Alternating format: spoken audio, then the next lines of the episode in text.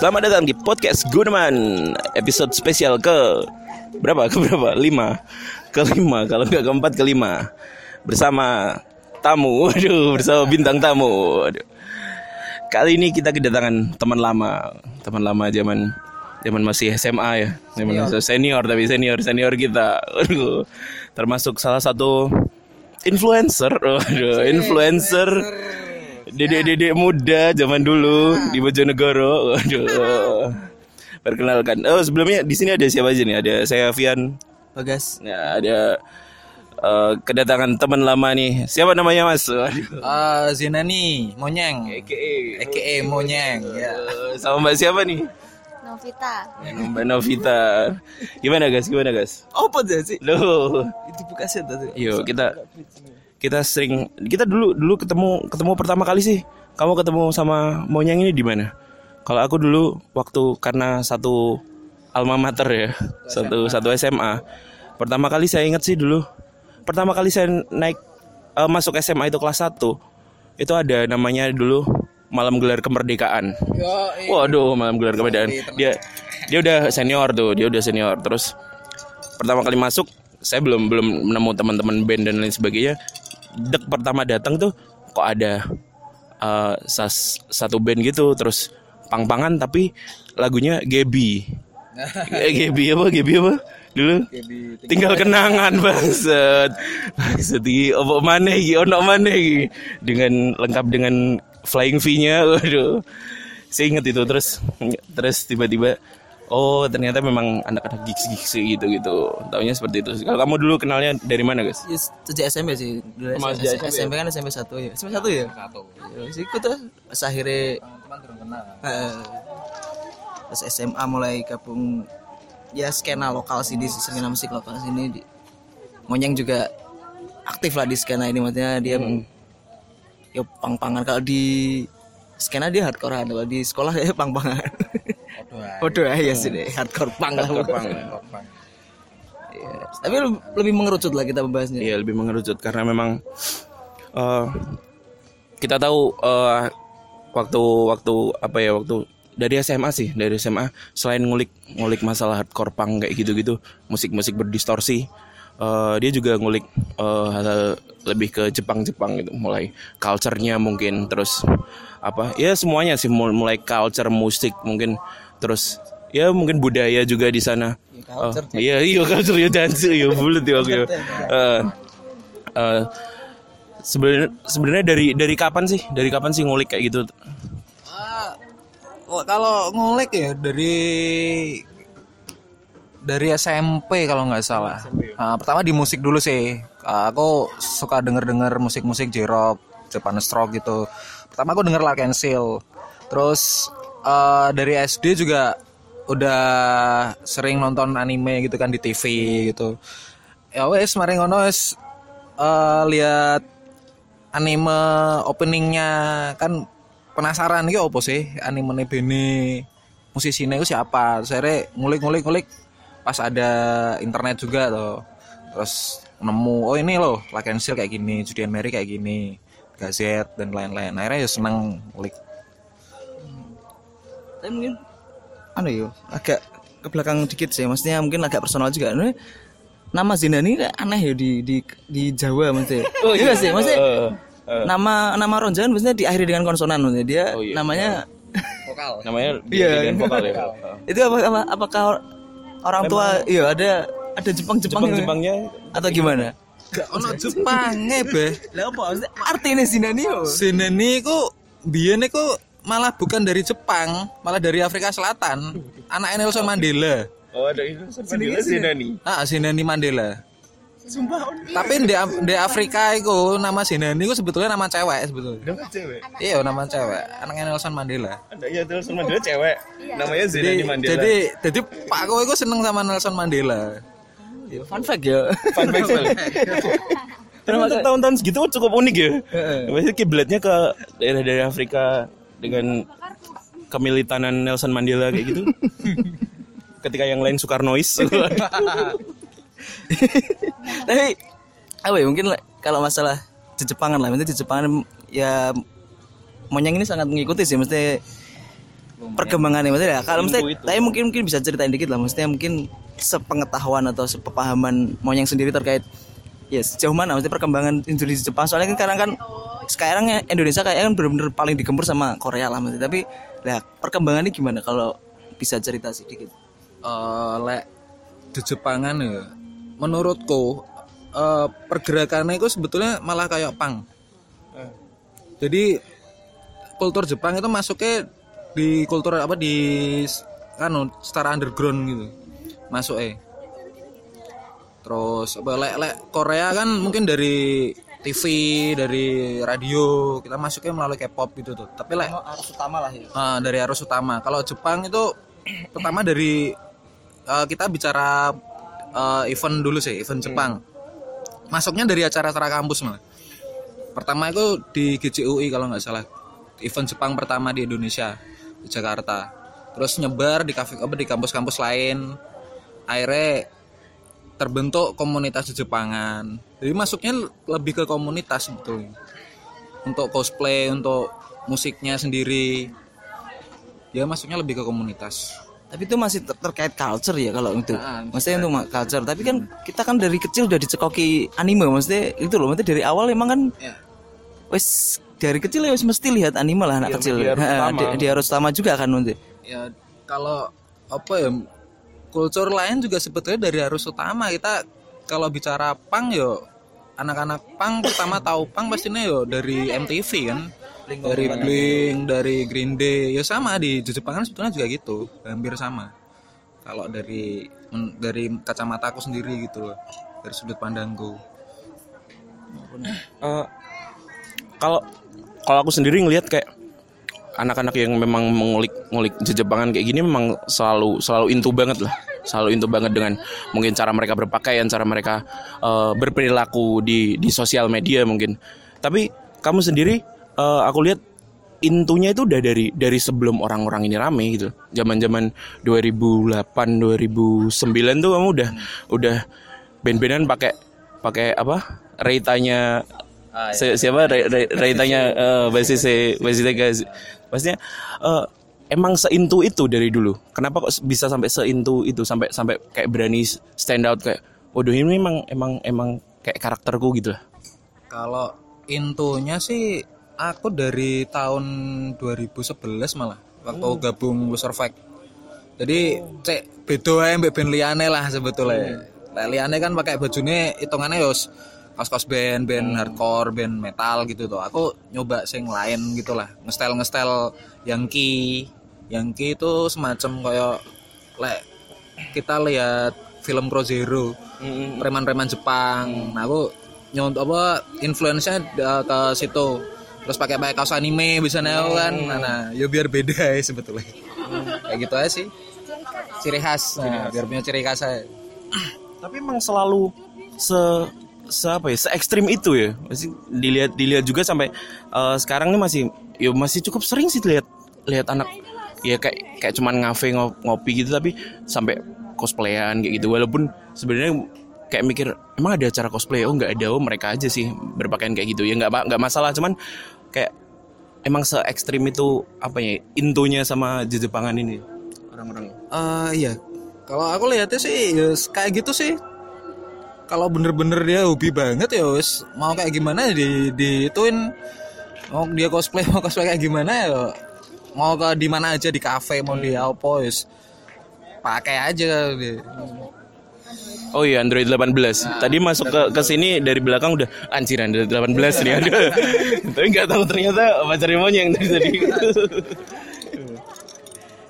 iya tapi memang ini break aja atau enggak ini? Ah nggak usah kafir tau. break tuh enggak apa-apa tuh kita bisa ya Allah.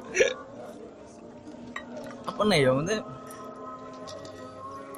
Tapi mesti kayak WV WV Jepang kan mesti ya mesti kita sempat ke episode episode sebelumnya kan pernah bahas JKT mesti benar-benar menurun kan maksudnya. Nah itu apa? Mesti pengaruh utamanya apa? Memang apa memang kalah ambek Korea atau gimana Iki wawancara aja nih. Oh iya.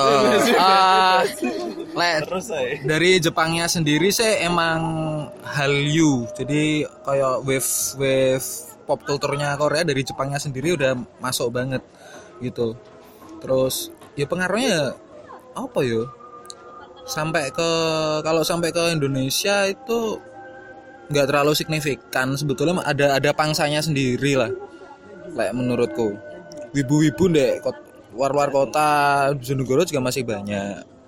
Cuman lek apa itu? Wibu apa wibu? Wibu itu wibu tuh um, orang yang maniak banget sama pop kulturnya Jepang.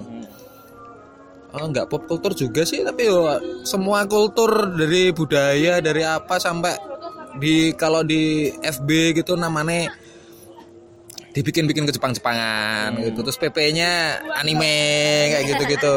Ya itu namanya wibu. Apa Masih apa Korea? ah apa bener Korea? bener bener ya itu? Apa anime? Ga- itu apa fans garis kerasnya Jepangan lah intinya wibu. Cuman di Indonesia ya segmennya sama sih. Eh, pengaruhnya di apa ya pop kulturnya Indonesia itu sama kuatnya gitu sama banyaknya ya tapi tapi kan melihat memang pergerakannya si wota-wota di JKT48 kan juga apa maksudnya nggak nggak tahu sih secara, secara, secara statistik memang ada penurunan banyak atau enggak kan tapi memang bener-bener kayak ya sepi gitu maksudnya udah Dari timeline kita aja Iya, lihat- dari timeline. timeline timeline Twitter kita nggak nggak se Maksudnya kok nggak nggak ada semilitan dulu iya gitu. nggak nggak ada generasi seperti dulu yang selalu digembor-gemborkan Eh, bedanya dek Wota kalau di Indonesia kan Indonesia kan lebih ke JKT 48 Family kan. Kalau di Jepang kan banyak idol group. Yes ada seratusan lah idol group boy band girl band kayak gitu. Cuman kita lihat di Indonesia sendiri eh JKT-nya kan udah banyak yang grade graduate. Nah mungkin eh, wota-wota yang dia ngefans sama salah satu membernya gitu yang yang kayak apa ya? Fansnya Nabila Mugono dan Nabila saya kan anu ah, saya ki wis grade ah. Mungkin udah wes aku wes gak ngefans JKT mana lah. Gak no Nabila gak ada melodi kayak gitu-gitu. Makanya sepi ya re jadi nih terus gak gak ada koordinasi dari komunitas bota juga sih bikin-bikin acara kayak apa gitu. Pertama di Bojonegoro lah, aku lihatnya sepi malah. Gak cuman bota tok yo cosplay juga sih. Sepi tapi kalau masalah formula atau strategi yang dipakai mereka untuk pemasaran sebenarnya kan kalau ketika tahun-tahun awal JKT masuk ke Indonesia kan benar-benar works gitu loh. Maksudnya benar-benar berhasil lah maksudnya bisa Ah. bisa sampai bikin orang tergila-gila maksudnya bisa spend money untuk apa? Handshake terus apa beli beli kaset ya apa Merchandise-nya, ya. merchandise merchandise nya enggak apa mesti formula itu apa emang wis usang apa piye ya bisa dibilang sudah usang sih gebrakan dari awal tok jadi gitu nek tiba Korea kalau Korea kan gak, gak ada grade-gradean satu boyband anggotanya itu itu aja kebanyakan loh Kalau satu keluar ya buyar gitu ya. Ah. Sama kayak Yo band. sama kayak yo koyo iku lah koyo perusahaan lah. Lah ono pegawene sing apik iku ne menarik kan yo. Jadi kok apa akeh peminat sing datang gitu. apa apa masalah ini terlalu seksis ya sebenarnya? Apa masalah gara-gara di Korea ini yang paling melejit itu boy band dan mesti otomatis fansnya perempuan? Yang akhirnya perempuan itu pasti militan lah. Maksudnya paling nggak ketika dia suka pada salah satu sosok dia bener-bener mesti 100% lah ya. Nah, beda kalau si JKT ini kan perempuan fansnya otomatis cowok dan cowok mungkin ketika seneng JKT memang sedang desperate atau mungkin sedang jomblo tapi ketika dia punya pacar dan kira sembuh kan maksudnya sembuh dari kota kan bisa jadi kan? Ya ada ada kemungkinan enggak ya? Kayak ya koyo ngono sih. soalnya kan cewek kan bener-bener militan kan mesti wis nek ngerti boyband kan ya bisa kepuyuh-puyuh lah maksudnya. Walaupun punya cowok ya tetep ae. Kalau find idol idol cowok boyband ya tetep sampai kapan pun ya saya idol. Biasanya kalau grup idol kan emang gitu. Apa kalau penggemarnya cewek itu lebih booming daripada yang grup idol penggemarnya cowok semua. Oh, di Jepang juga kayak gitu ya sebenarnya. Iya semuanya sih nggak Jepang doang kan Jepang kan jarang ada grup idol cowok. Idol cowok. Gak, meh gak pernah petuk maksudnya. Ada, Iya ada. ada, tapi ada. Maksudnya nggak nggak nggak- nggak dikenal. nggak booming. Jadi Ah. ya ya kalah sih kalau kayak sama Korea gitu kan Korea grup idol cowoknya banyak. Oh iya bener sih. Mungkin cukup seksis sih memang. Cukup Dari- seksis sih. yang di forum forum forum Korea yang aku baca-baca tuh semuanya gitu ngomongnya kalau grup idol cowok eh, banyak fan cowok eh fan ceweknya tuh lebih booming daripada yang yang fansnya ce- apa cowok-cowok aja gitu. Sampai wala maksud Twitter ya sampai wala sampah dong mesti Saya role playing cukup apa eh? beberapa- beberapa akun akun RP sih, akun akun RP apa iya sih dia ben mungkin ya terlalu seksis sih sih jadi mungkin cowok anak fase nih mungkin nek perempuan kan ketika walaupun punya pacar pun ya masih masih masih fan girling maksudnya. Nggak peduli sama pacarnya maksudnya. Nek nek lanang kan wis wis iso wis duwe cekelan lah maksudnya. Nggak perlu nggak perlu nggak perlu ngosi lagi lah maksudnya. Nggak- nggak perlu Iya, nggak gitu. perlu spend money ke teater gitu wis bisa pacaran kok wis. Yang bisa didapat maksudnya bisa bisa Incan bisa disanding loh. Beda cuma Oh, iya. yang cuma walaupun Evo everyday you can meet atau apa Lagian tagline beberapa, tagline lagian kalau kalau cowok-cowok ketika ketika teman-temannya yang yang mungkin teman-temannya nggak nggak ngulik kayak gitu tahu tahu bahwa dia ngefans seorang cewek eh, nge- ngefans cewek cewek mungkin rada malu Oh, iya. karena dianggap mungkin ya eh, ya toxic masculinity lah toxic masculinity toxic gitu. Nah kita ngomongin tadi tadi ngomongin masalah cosplay. Kita tahu juga Monyang nih eh, cosplay banget, cosplayer juga cosplayer banyak banyak sekali tokoh yang yang sudah di di apa ya, diperankan diperankan. Selain selain mungkin tokoh dari anime mungkin juga game ya. Game game game anime. Movie juga pernah. Nah sebenarnya kenapa sih cosplay? Kenapa sih anak orang-orang nih cosplayan gitu? Sebenarnya kenapa? Eh, pelampiasan masa kecil ya menurutku. oh gitu. Nah kita kan kecil kan pernah bayangin kita jadi kayak apa bayangin jadi Satria Baja Hitam lah jadi Power Rangers tapi propertinya nggak ono. Nah pas gede tahu lek oh ini lo ada cosplay apa namanya cosplay kayak gini gini gini kita main kostum. Dan ada duit ada channel gitu. Yes why not? Main-main nice akhirnya. Tapi yang yang cukup saya cukup cukup menariknya karena kebanyakan ini memang yang cosplay adalah eh, orang dewasa Ini adalah ya anak-anak kecil yang ikut cosplay tapi nggak nggak sebanyak orang-orang dewasa. Apakah sebenarnya kayak hiburan-hiburan seperti anime terus terus apa ya game kayak gitu ternyata memang bukan hanya untuk anak kecil gitu? Tad- padahal di tatanan masyarakat mungkin selalu menganggap bahwa film kartun gue dulu aneh cah cilik loh. Iya gak tapi padahal dengan dengan dengan fenomena kayak gini berarti kan anime-anime kayak gini film-film kartun Jepang ini nggak melulu untuk anak kecil gitu. Iya nggak? Ah, bener-bener. Di Jepangnya sendiri kan ada kayak apa namanya like di game kan ada ISRB, sistem rating, sistem rating. Nah, nah apa banyak anime terutama di Indonesia itu animenya yang yang tayang emang buat sekitar berapa ya 13, tahun ke bawah. 13 tahun ke atas gitu nggak sampai sih 17 tahun. Ada yang untuk dewasa atau remaja gitu. Contohnya Naruto. Naruto itu kan sebetulnya pangsanya bukan buat anak kecil kan. Dia buat remaja One Piece Inuyasha kayak gitu. Dengan ke- kekompleksan masalah yang di- di- dibahas eh, di setiap anime itu ya? Kompleks. Terutama tentang politik. Kan ada dulu di Indosiar kan kalau nggak salah Gundam.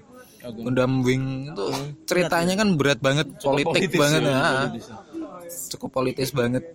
Ya, kita, kita, pemerintahan. Eh, kita taunya sih robot-robotannya perang aja sih. Itu dulu. Kalau anak kecil kan taunya robot-robotannya perang robot gitu. Tapi lah kita ngelihat lebih dalam lagi sebetulnya dalam banget ceritanya. Iya. Eh, Dari situ kadang-kadang memang yang saya tahu sih, yang saya tahu di di, di sosial media kayak gitu, karena memang eh, apa ya hiburan-hiburan ini memang ada yang untuk orang-orang dewasa. Akhirnya mereka kayak menganggap ada beberapa orang eh, punya kayak ya kayak tadi lah apa namanya eh, osi gitu loh. Tapi tapi dalam bentuk anime kayak gitu, mereka biasanya nyebutnya apa? Waifu. Ada waifu. Iya, ada waifu. Nah, sebenarnya kayak gimana sih fenomena waifu ini kayak gimana? Yuk, sebetulnya dari fenomena otaku sih. Dari kultur Japanese kultur pop kultur gitu kan yo ada positifnya ada negatifnya. Negatifnya itu kan eh, banyak orang-orang males gitu, orang-orang nggak punya kerjaan kayak gitu. lebih mentingin nonton anime dengerin idol kayak gitu gitu sampai lupa akhirnya ya jadi delusi gitu lah halu halusinasi kayak gitu.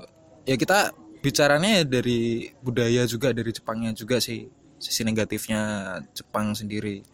Tapi ya akhirnya dibawa di Indonesia juga. Ya namanya juga dari internet kan ya.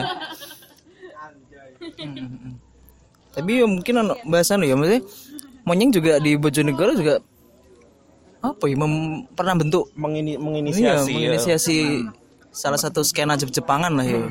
Ap- namanya apa? Dulu Japanegoro sih cuman sakit gak keurus grupnya Dulu namanya aku sih nang Malang aku tapi emang awal awal memutuskan untuk cosplay ini tahun berapa sebenarnya? Usia berapa? Aku mutusin buat cosplay itu tahun 2014 sih. Iya 2014 Sebetulnya nggak pengen cosplay Aku dipaksa koncoku. Yo apa yo? Cuman pas waktu itu kan ada karnaval 17 tahun eh, 17 Agustus di Bojonegoro kan. Aku cuman eh kayak mimpin grup apa istilahnya ini rombongan toh lah terus ada sing temanku sing bilang "Eh, cosplay sekalian wes gitu. Padahal nggak punya kostum aku pinjemi. Nah habis itu kok ketagihan. Akhirnya terus lah sampai sekarang. Pertama kali cosplay di Bojonegoro ya? nah di Oh, Bojonegoro karakter apa itu pertama kali itu? karakter L. Enggak enggak. Kuroko no Basket karakter anime itu? anime basket Oh, anime basket. Lek generasi kita kan tahunnya Slam Dunk. Nah, Oh, ini Damichi. generasi baru anime basket baru gitu. Kuroko no Basket karakternya apa lupa aku. Yang rambut ungu itu. Sopo? Murasaki Bara, baru ingat Murasaki Bara. Jadi itu. dan keterusan sampai sekarang selalu ikut ketika ada event-event cos- cosplay di Malang Ah ya, karena aku kan domisilinya domisilinya sekarang udah Malang sih. Sering ikut dan sekarang aku jadi admin cosplay Malang. Kayak perkumpulan apa kayak unionnya eh komunitas-komunitas cosplay di Malang ah, serikat. Sama grup cosplay. Kan di di percosplayan kan ada komunitas ada grup ada solo cosplayer. Nah itu disatukan di dalam satu lingkup gitu dek Malang salah satu adminnya aku sama Novita ini juga admin Iya. Masalah cosplay ini cukup menarik. Kemarin di di di TL ku ada yang di timeline Twitter ku ada yang cukup cukup kenceng sih. Cukup kenceng eh, apa ya ngata-ngatain sih. Bilang kemarin sempat ada yang bilang kayak gini. Oh, anak-anak cosplay eh, waktu ada foto-foto kayak cosplay gitu terus ada yang bilang Waduh, cosplay apa Naruto tapi Raine Jowo. Waduh. nggak sinkron. Sebenarnya kamu sendiri sebagai cosplayer tuh kayak nanggepi hal kayak gitu dengan ya apa ya? eh, kayak orang-orang gitu loh mikir-mikirnya negatif-negatifnya kayak gitu seperti apa ya biasa aja namanya kita ber cosplay kan cosplay kan sebetulnya sama kayak seni kan kita sebagai seniman lah katakanlah seniman kostum gitu ya udah resikonya orang orang mau bilang oh cosplaymu bagus oh cosplaymu jelek. Itu kan ya urusan mereka gitu. Tapi sebagai cosplayer paling enggak kita dapat kritikan dari masyarakat eh, dibikin semangat lah biar eh, cosplaynya lebih baik lagi kostumnya di dibaikin lagi apa make upnya mungkin dikerenin lagi sampai jadi lebih baik gitu. tapi modal utama biar jadi cosplayer itu apa sebenarnya? Tahan malu. Enggak ya, enggak ya, bukan gitu ya. iya. Semua tahan malu. Iya tahan tapi kalau malu-malu Iya bener-bener. iya. Malu-maluin tapi kayak iyo kalau dipikir-pikir sebenarnya jangan terlalu overconfident kayaknya soalnya kadang ya gue kayak yang diomongin Vian tadi maksudnya nek wajah gak pantas ya jadi paksa lo ya mending kamen rider lah biar gak ketok. Ya Allah. apa di Ya nggak apa-apa sih sebenarnya nggak apa-apa sih. iya coba kan. Cowok overconfident tuh ntar jatuhnya dia cuma asal-asalan pakai kostum. Kan cosplay kan kostum player maksudnya main main kostum jadi Semirip mungkin dengan eh, karakter berarti, aslinya. eh, lebih di cosplay nanti kalau bisa itu miripnya di kostumnya gitu loh kalau overconfident jadi jatuhnya ah pokoknya dadi Yes, koyo koyo star syndrome lah. iya kayak gitu. nggak sadar aja. Ada ada ya harus sadar diri juga. Oh, aku pantasnya karakter yang kulit hitam apa karakter kulit putih gitu. menyesuaikan lah ya. Menyesuaikan. Nah, Hmm, tapi sejauh ini memang udah ya berarti udah berapa tahun ya udah lima tahun berarti ya di cos jadi cosplayer tapi sejauh ini memang sudah bikin kostum sendiri atau gimana untuk jadi cosplayer aku jujur yo kostum gak tahu beli gak tahu bikin aku beli Oh, beli. beli ah. Oh ada berarti ada ya orang-orang ada, ada. orang jualan kayak gitu ya ada. ya? banyak ada berarti ada cosplay maker ya ada yang Ada bikin, cosplay bikin maker. kostum ya kostum Ah. maker ya ada cosplayer yang dia bikin kostum sendiri ada yang beli kayak gitu. Ada yang rent juga. Keren tuh. Oh re- rental ngerental rental, rental. Nah, jadi yo positifnya dari cosplay itu juga eh jadi itu jadi apa namanya bikin orang punya plan bisnis sendiri gitu. Ada yang jadi kostum maker ada yang jadi eh, bikin rental kostum kayak gitu. Kalau makeup kalau- artist juga. kalau kamu sendiri gimana? Maksudnya dari cosplay ini apakah juga bisa menghasilkan ekonomi gitu. Maksudnya ada nilai ekonominya gitu. Aku nganggep cosplay sih bukan nggak sampai buat apa ya cuman sekedar hobi sih. Rekreatif kayak ya. gitu mah duduk as my hobby doang sih. Nggak sampai aneh-aneh. Nah, anak-anak dari anak-anak cosplayer kayak gini kan mereka jelas jelas meng- mengkostumkan salah satu karakter nah. Sebenarnya dari mereka atau dari kamu sendiri juga eh, pemilihan-pemilihan karakter seperti apa sih yang yang sebenarnya? Kayak udah aku aku next selanjutnya mau mau cosplayan ini gara-gara ini gitu. Atau aku pengen cosplay Naruto karena aku bisa punya ekor sembilan gitu gitu. Yo sepengennya orangnya aja. Kamu kamu tak tekone ya tak tak kamu pengen jadi karakter apa sih? Coba lek de pop culture gitu Eh, coba jadi apa? Kamu pengen jadi apa? Apa yang jadi Siro? Anjingnya andi- anjingnya Sinchan. enggak no Aduh. clueless Iya, se-. Se itunya ya, berarti se se, se favoritnya. pengennya favoritnya yo lek kamu pede eh, ada dana mungkin buat bikin kostum apa beli kostumnya ya udah lakukan lakuin sok, aja bebas ya. bebas Hmm, terus ada juga anu ya cross dress ya? Oh iya, cross dress, cross dress. gitu. nah dan aku sendiri pernah cross dress dua kali cross Iya. jadi siapa? Aku jadi Misa Amane karakter di Death Note. Sama saya jadi cyber de karakternya anime Fate Zero. Itu aku cross dress itu jadi cewek. Nah, sebelum sebelum mungkin kamu mau membahas cross dress ya. Eh, di antara di antara cosplayer cosplayer kayak gini ada nggak sih kayak semacam apa ya eh, rada menjatuhkan gara-gara oh kamu cosplay eh, anime-anime yang umum kayak gitu. Eh, kamu kamu cos- cosplay Naruto cosplay cosplay One Piece yang orang banyak tahu sedangkan aku cosplay anime-anime yang yang yang bahkan orang jalan "Hah, underrated banget kayak kayak apa tadi? Itu yang kayak disebutin monyeng tadi itu. Aku nggak tahu sama sekali apa itu. Nah, kayak gitu ada nggak sih sentimen sentimen antar antar para cosplayer kayak gini ada jujur ada. Ada ya ada ya. Ah. gimana gimana itu ceritanya? Ya ada sih de suatu komunitas gitu. Yang apakah anggotanya kebanyakan cosplay karakter ter- di anime tertentu gitu. Sampai ada sing orang sing komplain wah ini kok cosplaynya dari karakter ini ini doang kayak gitu. Kali cosplay yang lain dong kayak gitu. Terus sampai jadi drama juga gitu. Ada kok ada jadi drama gimana? Antar mereka dramanya kayak gimana? Eh drama apa ya? Eh lo kamu kos gak tahu rasanya jadi cosplayer? Gini gini gini gini gini kayak gitu. Banyak drama drama di dunia percosplayan itu banyak banget. Poles.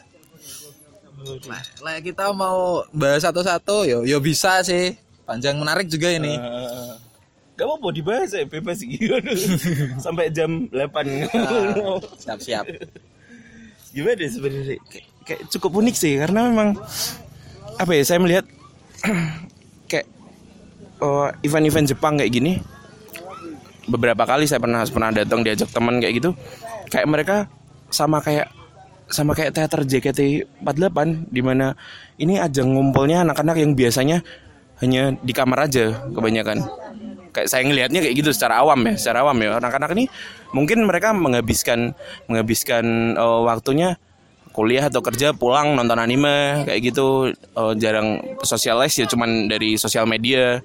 Jarang kayak kayak aktualisasi di, di luar lah. Ikut-ikut apa? ya itu. nah namanya otaku kayak gitu. Nah sedangkan uh, akhirnya mereka jarang saya melihat jarang jarang apa ya ada gesekan-gesekan dengan orang sekitar. Mungkin punya punya masalah tahu orang ngobrol kayak gimana mungkin jarang kan. Yang yang akhirnya bikin mereka itu saya melihat rada gimana ya bukan aneh sih. Cuman kalau ajak ngobrol tuh kayak gimana gitu loh. Yo, le, buat orang awam autis lah kayak gitu ya. mungkin ya Nah, yo sekedar apa ya sih saling respect aja sih. Sama kayak anak-anak pang kita apa lagi ngumpul di jalan kayak gitu. Kan orang awam kan anggapnya aneh juga. Hmm, kayak gitu anak-anak metal anak-anak pang kayak gitu. Sama aja sebetulnya. Nah, di di acara-acara kayak gitu juga juga rada unik juga. Kemarin ada cukup marah-marah juga di TLI orang yang sama kasih saya saya lihat. Yang bilang apa sih oh, datang datang ke acara kayak gitu bawa masker lah. Soalnya anak-anaknya bau-bau. Akan ada salah bawang. bau ibu bau bawang bilangnya. Ini sebenarnya apa sih? Fenomena apa sih ini? Ya biasalah. Anak-anak enggak enggak gitu. Ya eh tahu sendiri anak-anak kayak gitu kan jarang keluar jarang sosialisasi gitu kan. Ya, mungkin aja bau jarang mandi gitu. gitu. Bau- keluarnya sama di event di Jepangan doang kayak gitu. Tapi emang emang jujur sih anak-anak wibu yang datang-datang ke event itu emang bau sebetulnya. Tolong ada juga a- a- banyak juga cosplayer yang bau bawang juga. Iya Allah. Udah nggak munak sih emang dia. Ah, bukan- padahal sudah sudah sudah berkostum ya? Iya. Malah malah lebih parah loh sebetulnya kalau udah berkostum itu, apalagi kostum yang armor kayak gitu, pasti keringatan banget lah. Apalagi kalau apa eh, eventnya di outdoor, apa tempat yang panas gitu, keringatan banget itu. Wis. Namanya keringet ya, keringet. Ah. Pinter-pinternya kita sebagai cosplayer buat ngilangin bau badan kita, paling enggak ya pakai parfum lah please. Deodoran parfum ya tolong lah wibu-wibu di luar sana Wota juga bisa. wota-wota juga fuck lah kalian nih kita Penting lu deodoran. Deodoran lah. Hmm. Apa ya gue Ngasakno sine cah. Ngasakno sine lah ensek kok mambu gitu. Nyel ngesakno. Tapi kalau di tahun-tahun sekarang di 2019 sebenarnya apa sih lagi bener-bener nek di Jepangan sih bener-bener lagi hype di Indonesia apa? Ono nggak? Ono sing baru gak? Hmm, sing baru sih apa ya? Nggak ada sih. Cosplay. Masih cosplay. Masih cosplay sampai sekarang. Dari idolnya udah turun, skin musiknya juga udah turun. Sekarang yang diandelin di event-event di Jepangan ya itu cosplay doang sih. Dan itu bisa menarik masa banyak banget ya kalau ketika event-event cosplay. menarik masa banget. Soalnya mereka wibu-wibu kayak gitu datang ke ke event paling ya lihat apa namanya? Kebanyakan sih malah buat foto sama cosplayer sih. Kayak gitu, nyari foto sama cosplayer gitu. Oh iya iya, berarti memang ya misalnya ning mall di mall ya di kampus ya maksudnya apa masa yang apa pun, apa pun eventnya, apa pun event Jepang. Kalau nggak ada cosplay, sepi, halaman sepi. Nggak ada sekarang event Jepang nggak ada cosplay kompetisi.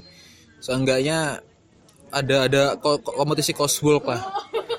oh, ada cosplay Ada ada coswalk. kostum walk itu ya Nah, jadi sama kayak eh, modeling, nah, jalan di catwalk gitu. Kalau di cosplay namanya coswalk. tapi dengan dengan act out Nah, dengan dengan kostum gitu. dan ekot Ikut gaya-gayanya gayanya sesuai nah, sesuai nah, karakternya. ya. Nah, sesuai karakternya gitu. Tapi kalau apa ya ketika ngomong di Jepangan mungkin dari Monyang sendiri ap, maksudnya ada keinginan gak sih sebenarnya udah pernah ke Jepang belum? Maksudnya ada keinginan untuk eh ke sana pengen tahu bener-bener gimana sih budaya di sana yang memang lagi anu. Pasti ada lah, pasti pengen ke Jepang seenggaknya. Tapi Tapi belum ada dana. Larang deh. Dal Jepang. Pe. Iya, Bu. Apalagi di sekarang kan visanya bebas ya di Bebas visa. bebas visa sekarang. Cuman yo biaya dek kono jajane kayak apa nih kayak yo larang. Ya toh? Tapi sih yang benar-benar sekarang lagi dikulik apa? Maksudnya untuk Jepangan sendiri dari maksudnya dari kamu benar-benar paling kulik apa di Jepangan? masih itu sih masih cosplay sih sama pengen bikin band Jepangan di, di Malang ada aku punya sempat bikin band ska cuman bawain lagu-lagu Jepang di cover ska gitu. Lagu-lagu anime OST anime. Tapi masih Lagu Jepang. masih masih lanjut atau? Masih cuman saya jarang latihan masih sibuk masing-masing. Kayak gitu. Dari basicku kan dari anu kan dari musik-musik underground kayak gitu kan. Jadi pengen bawain musik-musik punk ska gitu di Jepangan. Soalnya belum ada di skena Jepang apa di Indonesia yang bikin-bikin band kayak gitu iya masih masih masih fokusnya di Jerok itu ya. Nah, masih full cover lah Masih. Jadi apa ya nggak cover sebenarnya mereka ya wis memainkan lagu lagi lah maksudnya memainkan musiknya s- semirip mungkin ya. mungkin Apa nih? Anaknya. Tapi emang kayak kita lihat dari dulu tuh Jepang kayak selalu punya hal yang berbeda gitu. Entah dari dari musik selalu ada ada ada sendiri rock, ada J-rock sendiri sebelum sebelum ada wave wave dari Korean ya. Sebelum dari wave Korean kita na- narik ke belakang pop ada J-pop sendiri terus mereka punya budaya apa pun sendiri yang yang unik bahkan di culture mungkin culture motor, culture mobil mereka punya kayak semacam kiblatnya sendiri gitu, kiblatnya sendiri Moon Eyes kayak gitu-gitu. Kenapa sih Jepang se se mengeksklusifkan diri kayak gini gitu? Kalau saya lihat kayak apa ya? Selalu berbeda lah, selalu ada eh, apa ya? eh, ini Jepangan nah, selalu ada ada ada kelas sendiri gitu loh. Gitu. Kenapa Jepang selalu seperti ini? Eh, ngulik dari sejarahnya sih orang-orang Jepang kan semangatnya kan tinggi kan kayak gitu terus modernisasi pada waktu restorasi Meiji apa westernisasi masuk gitu jadi ngerubah ngerubah kultur banget di Jepang. Tapi hebatnya Jepang itu dia tradisional kulturnya masih dipertahanin. Sekarang kita lihat pop dari pop kulturnya dulu deh. Eh, kita lihat musik Jepang. Kita eh, katakanlah J-rock gitu. Musiknya mereka rock tapi style style dari style dari musik juga masih ada Jepang Jepangnya kayak gitu. Dan mereka itu bangga sama apa budaya mereka sendiri gitu kreatif banget kayak apa namanya Eh, NK musik-musik tradisional Jepang dimodifikasi dengan modern musik kayak gitu Oh iya bener sih. Selalu merasa superior sebenarnya mereka. Iya, dia nggak mau inferior dengan walaupun ada apa? Westernisasi. Iya, ada lah. westernisasi dia tetap tetap merasa superior nggak merasa be- sebagai masyarakat kelas kedua lah ya. Dia benar-benar tetap menjaga kulturnya tetap tetap ya, tetap subur lah ya, tetap bertahan. walaupun udah dicampur sama kultur lain kayak gitu Tapi kalau masalah fashion ngulik gak mesti masalah fashion soalnya kan beberapa ya enggak fashion juga sih mesti beberapa nama band juga kenapa dia mengambil nama-nama Prancis kayak Lakensil lah ya mesti Iya. Eh, terus fashion juga apa Maison Kitsune. Maison eh, Maison Kitsune Kitsune mah dari Prancis. iya, ya? dari Prancis, nah, pakai nama Jepang. nama Jepang. Jepang tapi juga ada. iya apa yang itu? yang clothing nama, namanya juga nama Prancis ada kesinambungan apa Anjan, sebenarnya Jepang dengan Prancis? Apakah ada emang ada hubungan bilateral atau apa ya Eh, enggak sih mungkin dari keterikatan apa literasi aja literasi dari novel komik manga gitu sama film-film kayak gitu. Kembali dulu pada waktu 80-an kan manga manga Jepang yang terkenal tuh rata-rata ngambil cerita-cerita dari Prancis kayak gitu dan fairy tale fairy tale gitu ya Ah, gitu ah. Terus guratan-guratan apa? Guratan karakternya itu kan sangat Eropa banget kalau nggak salah. terus nama band juga ada yang Versailles kayak gitu Nah, Maksudnya kok ngambil-ngambilnya western western juga maksudnya hmm, sama sih. Tapi ya kultur Jepangnya masih kental banget sih. ada orang Jepang sendiri pronunciation-nya ketika ngomong gimana kesulitan juga sebenarnya Iya sama. Sebenarnya juga ya. Iya kan kayak Lakensil nggak mungkin bisa dia nggak mungkin bisa ngomong Lakensil juga kan. Laruku. Laruku. Laru Quensie. Laru Quensie. Lah, kesulitan juga sebenarnya. Nah, yo unik sih Jepang emang Anu Iya. Apalagi? Close dress tadi lah mungkin masalah close dress. Apakah di Jepang se sebanal itu ketika banyak nggak mungkin lah di- ketika di sini ada cross dress di sana di sana mungkin lebih lebih kenceng ya masalah cross dress terus visual kei kayak gitu gitu ketika ya dari, dari vokalisnya Lark Angel juga juga kelihatan kan kelihatan androgini kayak gitu se se apa ya se, terbuka itulah se, seterbuka itukah dengan dengan apa ya dengan gender gender equality lah mungkin ya. Iya, kira-kira kayak gitu sih. Terbuka ya di kok di seni tradisionalnya tradisionalnya Jepang kan ada kan kayak gitu. Kayak penari-penari yang cowok ya jadi cewek kayak gitu-gitu. Emang ada? Ada, Ada budayanya? Nah, ada budayanya kayak gitu. Lek dek Jawa apa? ketoprak mungkin masih ada ketoprak eh, ketoprak masih ada cross itu harus harus cowok Oh, iya, memerankan- kayak Arjuna itu pasti cowok- pa- cewek ya? pasti cewek Arjunanya tapi yang lain harus cowok kayak gitu gitu saking gantengnya. Hmm, saking gantengnya cowok gak jenis- mungkin gak mungkin sih seganteng deh ya apa ya? Oleh ngomong serada abad gak ya? gak bobo gak bobo Ya apa ya? ini emang terdidik sih pendengar pendengarnya nah eh, istilahnya kalau di Jepang kan antara doktrin agama sama budaya maksudnya sama budaya kan dipisah gitu loh. Sekuler lebih lah. sekuler ah, lebih sekuler. Kayak gitu. Iya cukup cukup menarik ya mereka. Maksud tapi dari dari keterbukaan mereka itu kayak saya lihat dengan ada ada satu satu atau beberapa hal yang mereka bahkan sangat tertutup sekali. Kayak kayak semua tato kayak gitu. Di beberapa onsen bahkan orang bertato nggak boleh nggak boleh masuk kan ada beberapa onsen yang tidak memperbolehkan masuk karena mungkin dianggap eh, berafiliasi dengan yakuza atau seperti apa. Itu hampir hampir hampir sama sama sama kayak Korea juga. Beberapa videonya Vice juga pernah bahas bahwa tato itu pasti sangat sangat tabu banget di dua dua dua negara ini gitu. Bahkan lebih tabu daripada Indonesia. Di Indonesia paling masih biasa masih boleh masih boleh kalau kita bertato di jalan atau atau di media media TV atau kayak gimana masih kelihatan tato boleh. Tapi kalau di di sana kayak sampai harus harus ditutupin gitu. Baru tahu. Nomor baru tahu ya? Masih baru tahu juga. Baru tahu juga. Sih. kayak beberapa beberapa rapper-rapper kayak gitu yang yang memang mereka nge-host tuh kalau ada ada tatonya di tangan tuh mereka harus pakai full sleeve. Baju full sleeve atau sampai ada yang pakai iya long sleeve sampai, sampai ada yang pakai kalau di tangan ada pakai perban kayak gitu-gitu. Maksudnya dari keterbukaan mereka kesekuleran mereka masih ada tertutup apakah memang karena karena selalu selalu dianggap di beberapa video yang saya lihat selalu dianggap berafiliasi dengan yakuza. Apakah di sana yakuza seserem itu?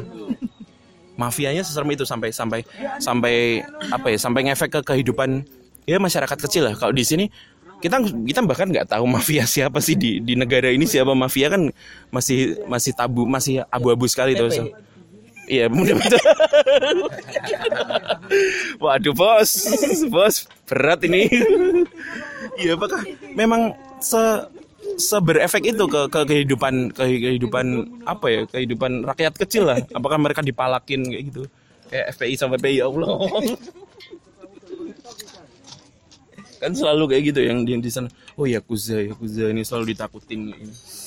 Kayaknya cuma di film tau sih. Oh mah di film aja ya sebenarnya ya ada sih yakuza yang yang jahat kayak gitu-gitu. Tapi kan ya sama kayak preman di sini lah. Istilahnya. Cuman cari makan kan mereka. Walaupun cari makannya di dunia hitam mungkin di, di bisnis bisnis ilegal. Tapi kan ada sih mafia yang dia bisnisnya di dunia yang lebih legal gitu.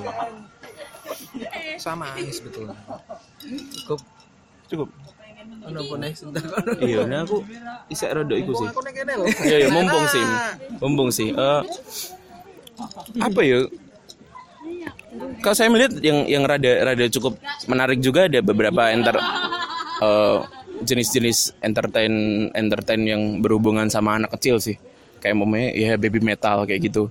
Eh, apakah di sana cukup lazim ketika ketika orang-orang dewasa me, me- apa ya, meng- mengeksploitasi lah mengeksploitasi anak-anak di bawah umur untuk untuk tujuan entertain yang yang juga dilihat oleh orang dewasa yang mungkin akan ya entah dijadikan eh, serat seksual atau kayak gimana kita juga nggak tahu tiap orangnya. Cuman apakah selazim itu di sana? Oh, sebetulnya antara lazim dan gak lazim sih. Di sana pun juga ada pro kontra sih kayak gitu ada kalangan sing nggak suka eksploitasi anak ada juga sing lebih apa setuju-setuju aja kayak gitu cuman emang kalau di dunia Japanese pop culture kayak di anime di idol emang segamblang itu Gamblang itu ya. Ah, Sama kayak adult video juga segamblang, segamblang itu di sana. sega- gamblang banget superiornya Jepang juga kita bisa lihat dari dari industri adult video lah. Selalu mereka ada punya punya genre tersendiri itu. Japan Japanese adult video dan dan Semua sem- dan semua jenis ada dan semua apa pun eh, fetish dan imajinasi liar kalian ada sih di situ. Saya yang paling paling parah kemarin cukup ngulik bukan karena memang cari pornya ya, tapi emang emang ngulik. Di sana yang yang lagi naik kemarin sih 2000 sekitar 2017-an 2018 tuh kayak dehumanize gitu. Eh, adult video yang masalah dehumanize kayak tidak memanusiakan manusia. Ada yang ada yang dianggap seperti eh, sex dolls terus dikirim ke ke ke orang kayak gitu-gitu. Dalam kardus. dalam kardus kayak gitu-gitu. Oh, cukup liar juga ya orang-orang ini ya. Memang gitu orang-orang sana ya. At- emang emang karena memang apa ya eh, tingkat kerjanya emang kenceng atau emang orang-orangnya memang pikirannya gila dari dulu atau kayak gimana sih? Iya sih kayak yes buat kalau buat mereka kayak buat hiburan aja sih sebetulnya jadi kan kerja di Jepang kan yang berat banget gitu tekanan kerja kayak gitu ya Jam unik uniknya kenceng ya? Jepang pemerintahnya kan ngelegalin kayak gitu gitu Hmm. jadi gak biar supaya nggak nggak stres-stres banget kayaknya masyarakatnya daripada tingkat bunuh diri banter ya Iya tingkat bunuh dirinya cukup kenceng ya di sana. Eh, Tapi kriminalnya rendah malan. Se- Tapi sekali ada kriminal besar. Dia nemuin mayat berapa itu di kamar sebelahnya kamarnya sebelahnya apartemennya Dimas Floek tuh. ada yang eh, cewek kemarin eh, ngebunuh pacarnya karena cemburu pacarnya digodain cowok itu ya cukup. Tapi ya mereka cosplayer loh Oh itu cosplayer ya emang. itu pelakunya ya ya nggak cosplayer ya nah gitu gila Apa? Jangan ditiru ya. Eh, jangan ditiru ya teman-teman. Apa namanya? Kemarin Yandere, ya? Yandere. Apa sebenarnya Yandere itu? Yandere apa sendiri? Eh, Yandere. Yandere. kamu bisa jelasin nggak ya Dere? Yandere apa Yandere? jadi yang diri itu kayak perasaan suka sama seorang suka banget sampai dia nggak mau orang lain ikut milikin dia kalau orang lain suka sama orang itu ya udah gue bunuh aja lo mati. Posesif posesif. Over posesif yang diri itu kayak gitu. Unik sih menarik ini. Jadi eh, karakter-karakter di anime gitu kan dibagi jadi beberapa karakter kan. Nah, ada sundere ada yandere ada udere apa apa. Banyak ya. Nah, Berarti emang orang-orang sini cukup Yandere dengan Nabi Muhammad dan Ya Allah kita tutup aja. Iya, Mas. cukup Yandere dengan ajarannya. Jadi kayaknya sebenarnya gitu aja. Ini udah cukup lama ya. Ya, kita ngulik Jepangan. Jadi buat teman-teman eh, bisa kalau mau pengen ngulik-ngulik lagi eh, bisa langsung bertanya kepada Mas Zenani Eke Monyeng eh, di Instagramnya ada lah. Aduh, jadi sekian aja. Terima kasih buat teman-teman. Wuh, selamat malam. Diedit mana Saya cuma ditambahi itu